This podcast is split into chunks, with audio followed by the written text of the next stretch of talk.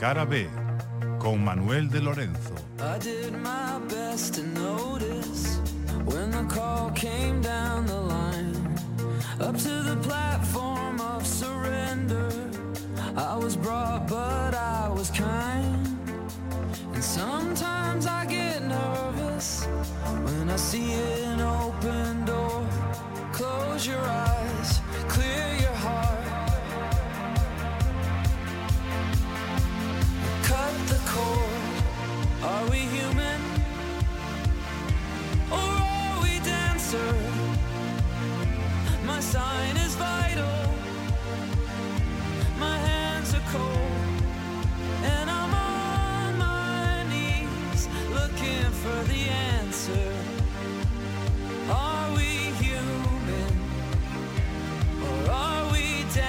answer.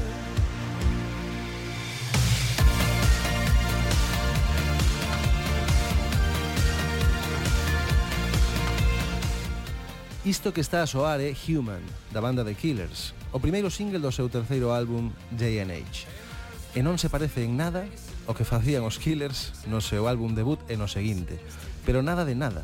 Pasaron de facer indie rock and roll, como eles mesmos afirmaban, a facer música para discotecas e pistas de baile. E resulta curioso porque, en fin, grupos que cambiaran de estilo ao longo da súa trayectoria hai moitos, normalmente debido a unha evolución natural que se vai producindo de disco en disco, de etapa en etapa, pero grupos que cambiaran de xénero musical dun xeito súbito, tan radical, dun álbum para outro, penso que hai moi poucos. Ocórrenseme apenas 4 ou 5 bandas que tiveran unha liña estilística moi clara, moi marcada, e repentinamente dun disco para o seguinte comezaran a facer outra música distinta, non encadrada noutro xénero, en outra corrente. The Killers é, con total seguridade, unha desas bandas. Da noite para o día, eran outro grupo. non dabas crédito o que estabas a escoitar cando saiu a venda Human. Pasoulle tamén a No Doubt, a Fallout Boy, un pouco os Beatles, vale que neste caso o que lles pasou é que evolucionaron a toda velocidade, non en apenas dous ou tres discos publicados en ano e medio, Pero se hai unha banda de rock que deixou a todos os seus fans mudos debido ao seu tránsito entre xéneros musicais, debido ao seu cambio radical de estilo, foi Metallica nos anos 90. My sign is vital.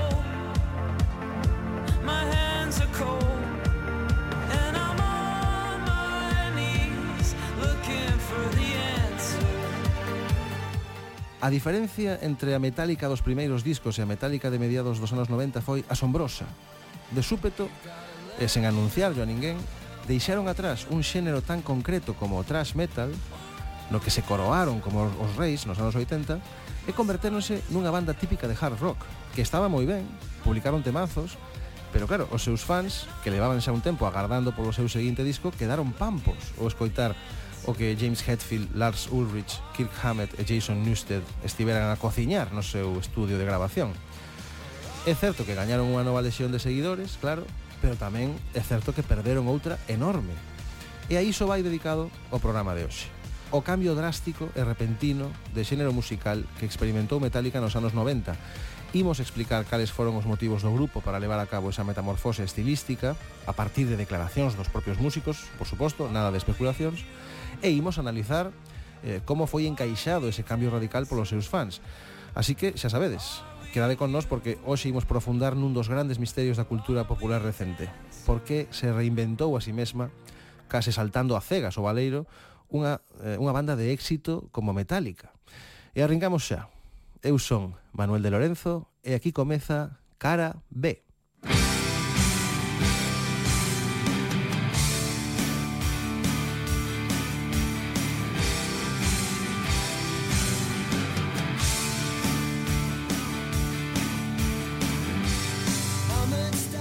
Metallica eran un grupo de thrash metal.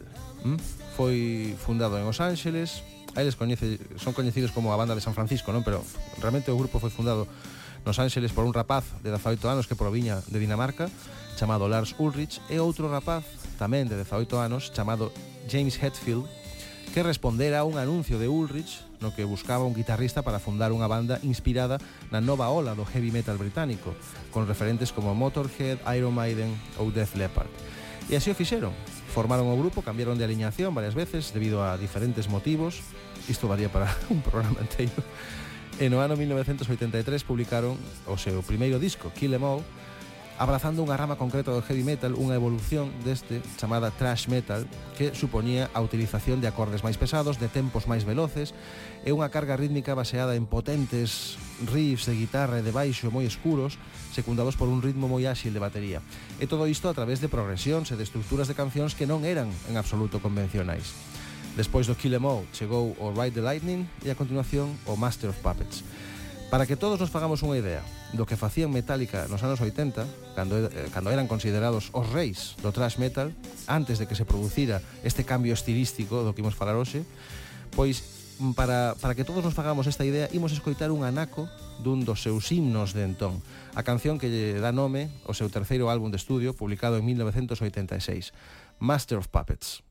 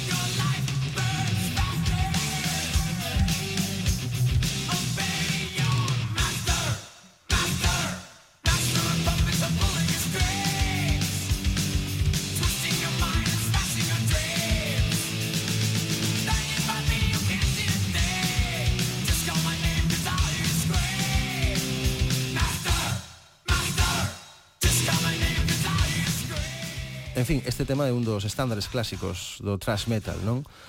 E ten todos os elementos, peso, velocidade, riffs, moitos golpes de batería, unha estrutura pouco habitual, cunha progresión de acordes pouco habitual. Isto era o que facía Metallica nos anos 80 e tamén no seu seguinte álbum, titulado Unjustice for All de 1988. Pero entón chegaron os anos 90.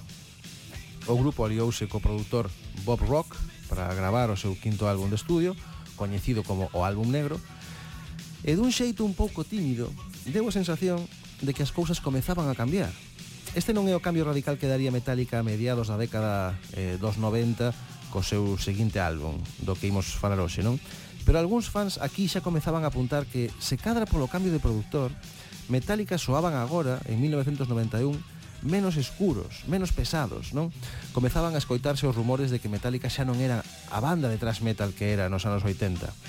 A inmensa maioría dos seus fans non notaban ese cambio que estaba a piques de suceder e de feito o álbum negro foi un éxito comercial, non? Vendeu 16 millóns de copias. E tamén foi un éxito de crítica e de público. Ata o momento era considerado o seu mellor disco. É verdade que se notaba unha evolución mínima, que vos tamén ides notar agora se o comparades con Master of Puppets, a canción que acaba de soar, pero non parecía preocupante, non? Aínda non se atopaban aí os elementos eh, que mm, farían de Metallica o grupo no que se convertería anos despois, non? Todavía estaban todos os ingredientes que facían de Metallica o que era. Escoitamos Enter Sandman para que vayades, vayades vendo a que me refiro.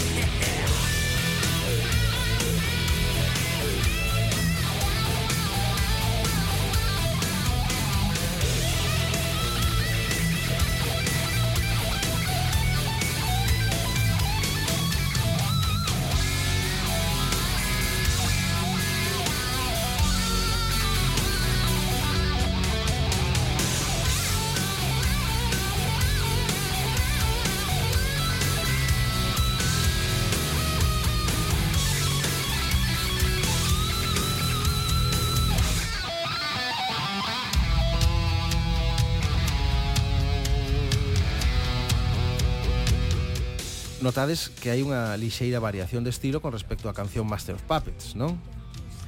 Continúa aí o ritmo áxil e o mesmo tempo pesado E sen embargo o tempo xa non é tan áxil nin o tema é tan pesado non? Os riffs de guitarra e baixo seguen a levar o peso rítmico secundado pola batería Pero son un pouco máis accesibles, non sei, máis clásicos non? A estrutura da canción tamén se achega un pouco máis o convencional É máis hard rock, é menos heavy metal, por así dicilo E isto notábase tamén coas baladas, as power ballads de Metallica, non?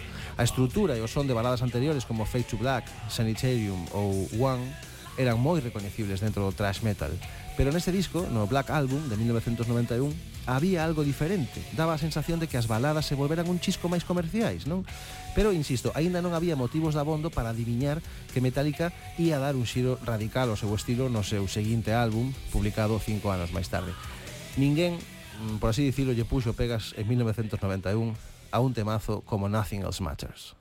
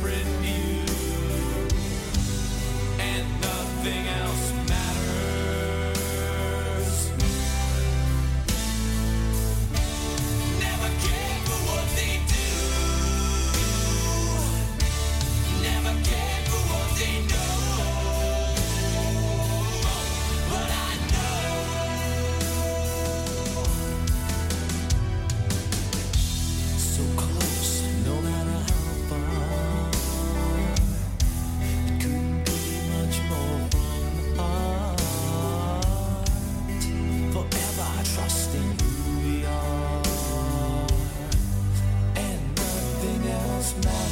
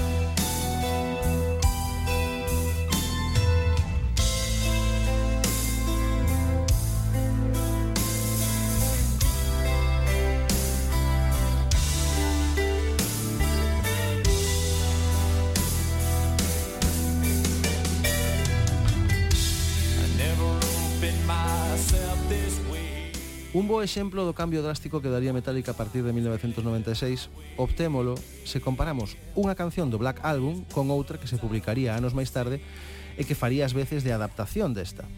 Estou a falar de The Unforgiven, que se trata dunha balada contida neste disco de 1991, o álbum negro, e que aínda mantén os ingredientes propios do estilo que fixo famoso a Metallica, como a escuridade, o ton pesado da canción, etc. Máis adiante vai soar esa especie de segunda parte desta canción, que sería titulada The Unforgiven 2, e se comparades as dúas, veredes a que me estou a referir. Vos prestade atención, moita atención a esta primeira versión. Aí están as campas de fondo, non a caixa de estilo militar, o ambiente propio das baladas do thrash metal. Escoitade a ben, fixadevos atentamente nos seus elementos, porque cando escoitedes a segunda parte, publicada seis anos despois, no disco Reload, entenderedes perfectamente en que consistiu a nivel case teórico o cambio de estilo de Metallica. Imos, polo momento, con The Unforgiven.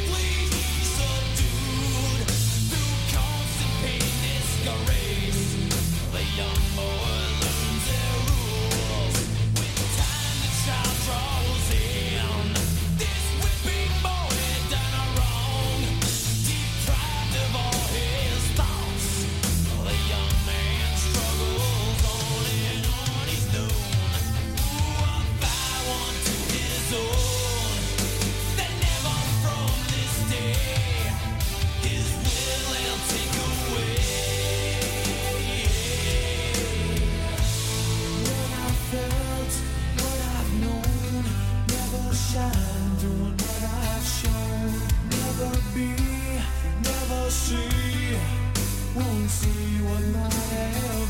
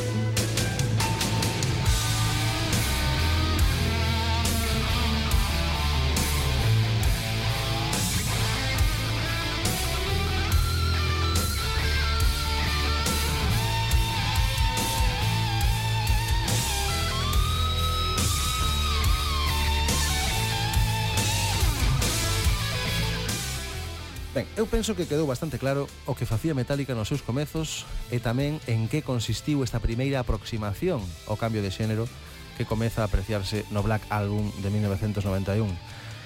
Pero entón houbo cinco anos de silencio. Cinco anos dende a publicación do Black Album, onde se atopan estas cancións que acabamos de escoitar, non? E o seu seguinte disco, o álbum Love, de 1996, que, por certo, era un traballo esperadísimo esperadísimo, non? Deixou os fans do grupo coa boca e os ollos abertos como pratos. Hai unha frase do guitarrista de Metallica Kirk Hammett que penso que resume bastante ben o que lles pasou pola cabeza aos rapaces de Metallica neses primeiros anos 90 cando as novas cancións estaban a ser escritas non e postas a punto para entrar a gravalas no estudio. É esta. Odio cando as bandas deixan de arriscarse. Moitas bandas sacaron o mesmo disco tres ou catro veces. E nós non queríamos caer nesa rutina. Mantede esta afirmación na memoria e poñedevos agora na pel dos fans de Metallica cando se publicou o Load. Non? Foron mercalo a tenda de discos, chegaron a casa, puxeron a soar o álbum no seu cuarto e escoitaron cancións como esta que vai soar agora, Hero of the Day. Entón, lembrade a primeira canción de Metallica que soou hoxe no programa Master of Puppets, con esa pesadez, non esa potencia, esa velocidade, eses riffs, esas estructuras infrecuentes, e pensade que isto que vai soar agora é o mesmo grupo, e non houbo transición. Pasaron do álbum negro directamente a isto. A mí encántame esta canción, eh? que conste, pero entendo que os fans quedasen un pouco mirando para os lados e dicindo que carallo está a acontecer aquí, non? Quen son estes tipos que fan pop rock e onde está Metallica? Mm.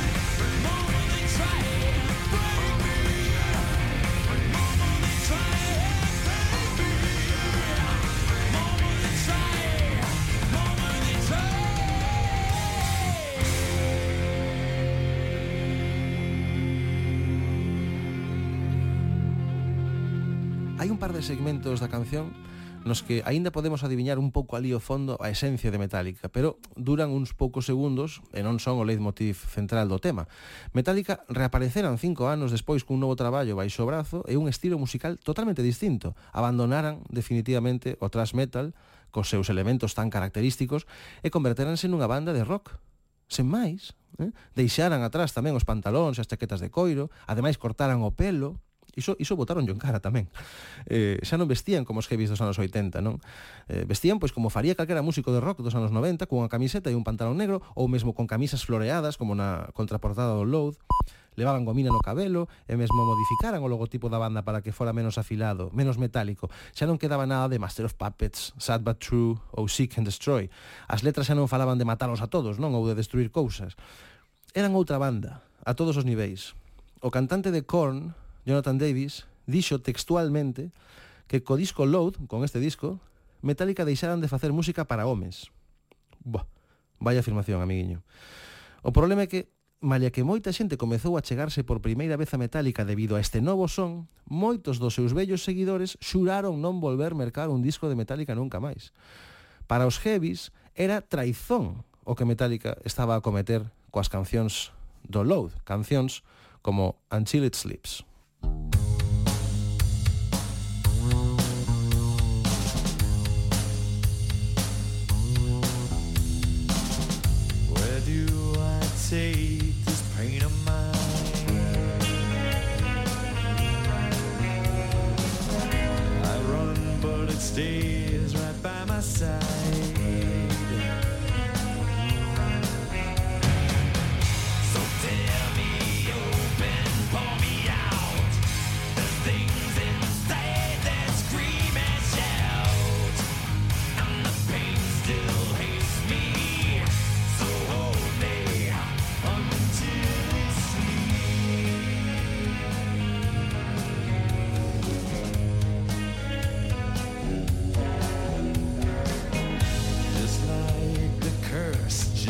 History.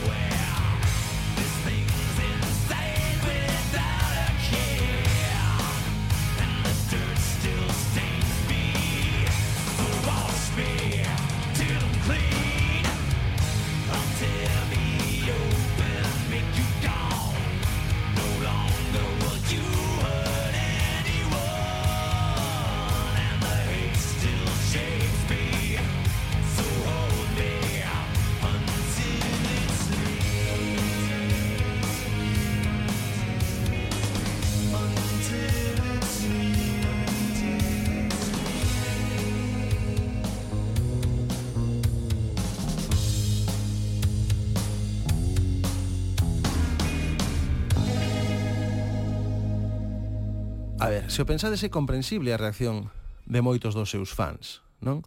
Cando escoitas algo tan marxinal como trash metal, sentes que ti es distinto a todos os demais, na túa clase, no teu traballo, na rúa. Os teus ídolos son os únicos que pensan e sinten como a ti, non? Son os únicos que cos que te identificas, son os teus deuses. E de súpeto eles convértense tamén en xente normal e corrente, no típico grupo de rock. E ti quedas un pouco desamparado e senteste basicamente como a un orfo, E iso foi o que lles aconteceu a moitos. E de aí que fans absolutos como Jonathan Davis de Korn dixera que Metallica deixaran de facer música para homes. Pero curiosamente, co paso do tempo, Jonathan Davis pediu perdón por esas afirmacións e dixo algo que a nos axúdanos a entender por que Metallica fixo o que fixo cambiando de xénero musical. Abro comiñas.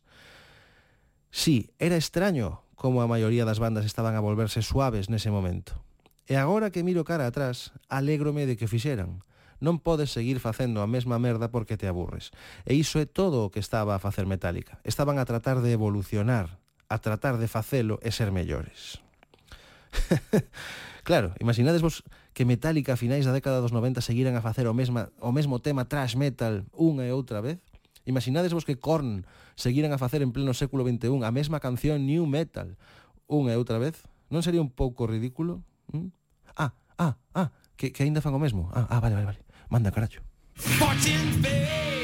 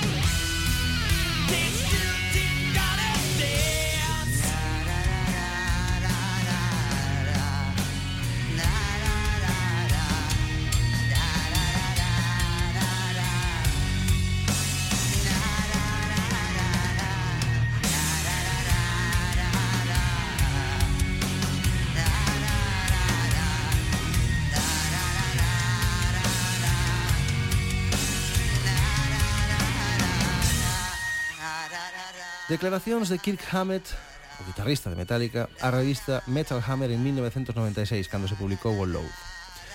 Éramos unha banda de heavy metal hai sete ou oito anos. Creo que empezamos a separarnos da escena co disco negro. Temos as nosas raíces no heavy, pero a día de hoxe somos algo máis que unha banda de heavy. Tocamos moitos estilos e facemos cousas que non son típicas do heavy. Ben, mesma entrevista, declaracións de Lars Ulrich. Penso que Oasis son unha gran banda que compón grandes cancións e teñen unha actitude memorable. Que máis podería engadir? Ollo iso, eh? O heavy quedou atrás, segundo declara Hammett. E no caso de Ulrich, comprobamos que pasou de ter como referentes a Motorhead ou a Iron Maiden a ter a Oasis, non? Sobre o cambio de estética e de corte de pelo as cousas van un pouco na mesma liña. Non entenderían seguir parecendo rapaces de 18 anos cando xa tiñan 33 e 34. Fixadesvos, perdón, fixadevos nestas palabras de Kirk Hammett. Tal vez estábamos aburridos de moitas cousas. Se observas a nosa historia de Cataraste que sempre fuximos do que fixemos. Pasaron cinco anos dende que gravamos o anterior disco e houbo unha chea de cambios na nosa vida. Xa non somos uns rapaces, non quero enganar a ninguén saindo nunha sesión fotográfica cunha camiseta negra de Annihilator. Sinceramente, non é o que levo posto cando vou por aí. Claro, sabedes do que está a falar Kirk Hammett aquí? Sabedes do que está a falar Kirk Hammett nesta entrevista? Pois de madurar, nin máis nin menos que de madurar. Maduración persoal, maduración emocional, maduración intelectual e, en consecuencia, maduración musical. O thrash metal para eles estaba ben cando tiñan 20 anos, 25 anos.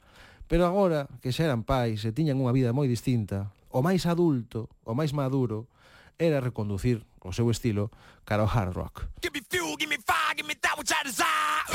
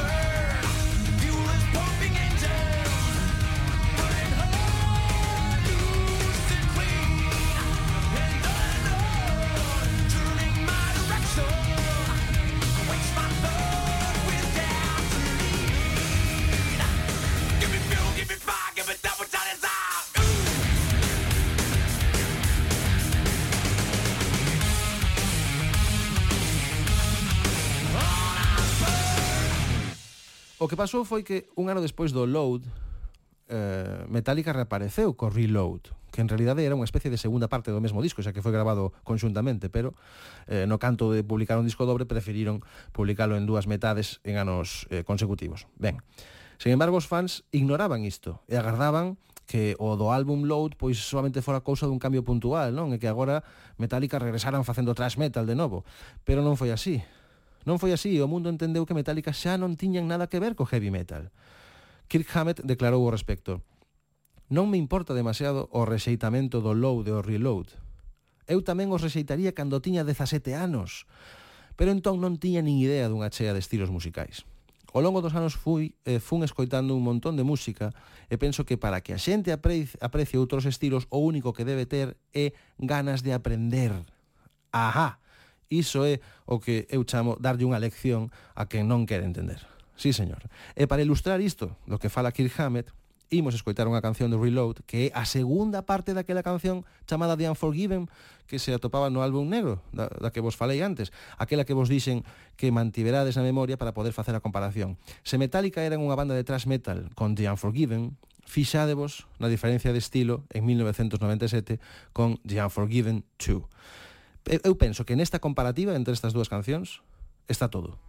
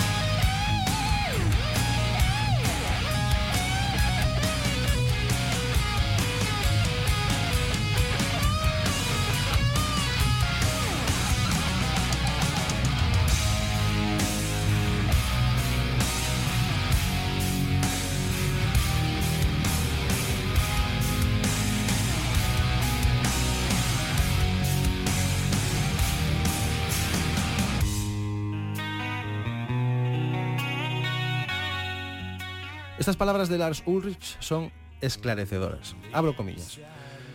En termos de metas, non deixamos ningunha atrás. A última gran meta foi sobrevivir o Black Album e permanecer vivos. E sobrevivimos, e a partir de aí todo foi moito máis sinxelo. Agora somos nós e a música. Mentres gocemos, seguiremos adiante. É irrelevante que nos comparen con bandas como Sepultura, porque nós gravamos os discos da maneira que queremos escoitalos, pero sobre o escenario podemos con todos. E iso está demostrado. E así foi como aconteceu.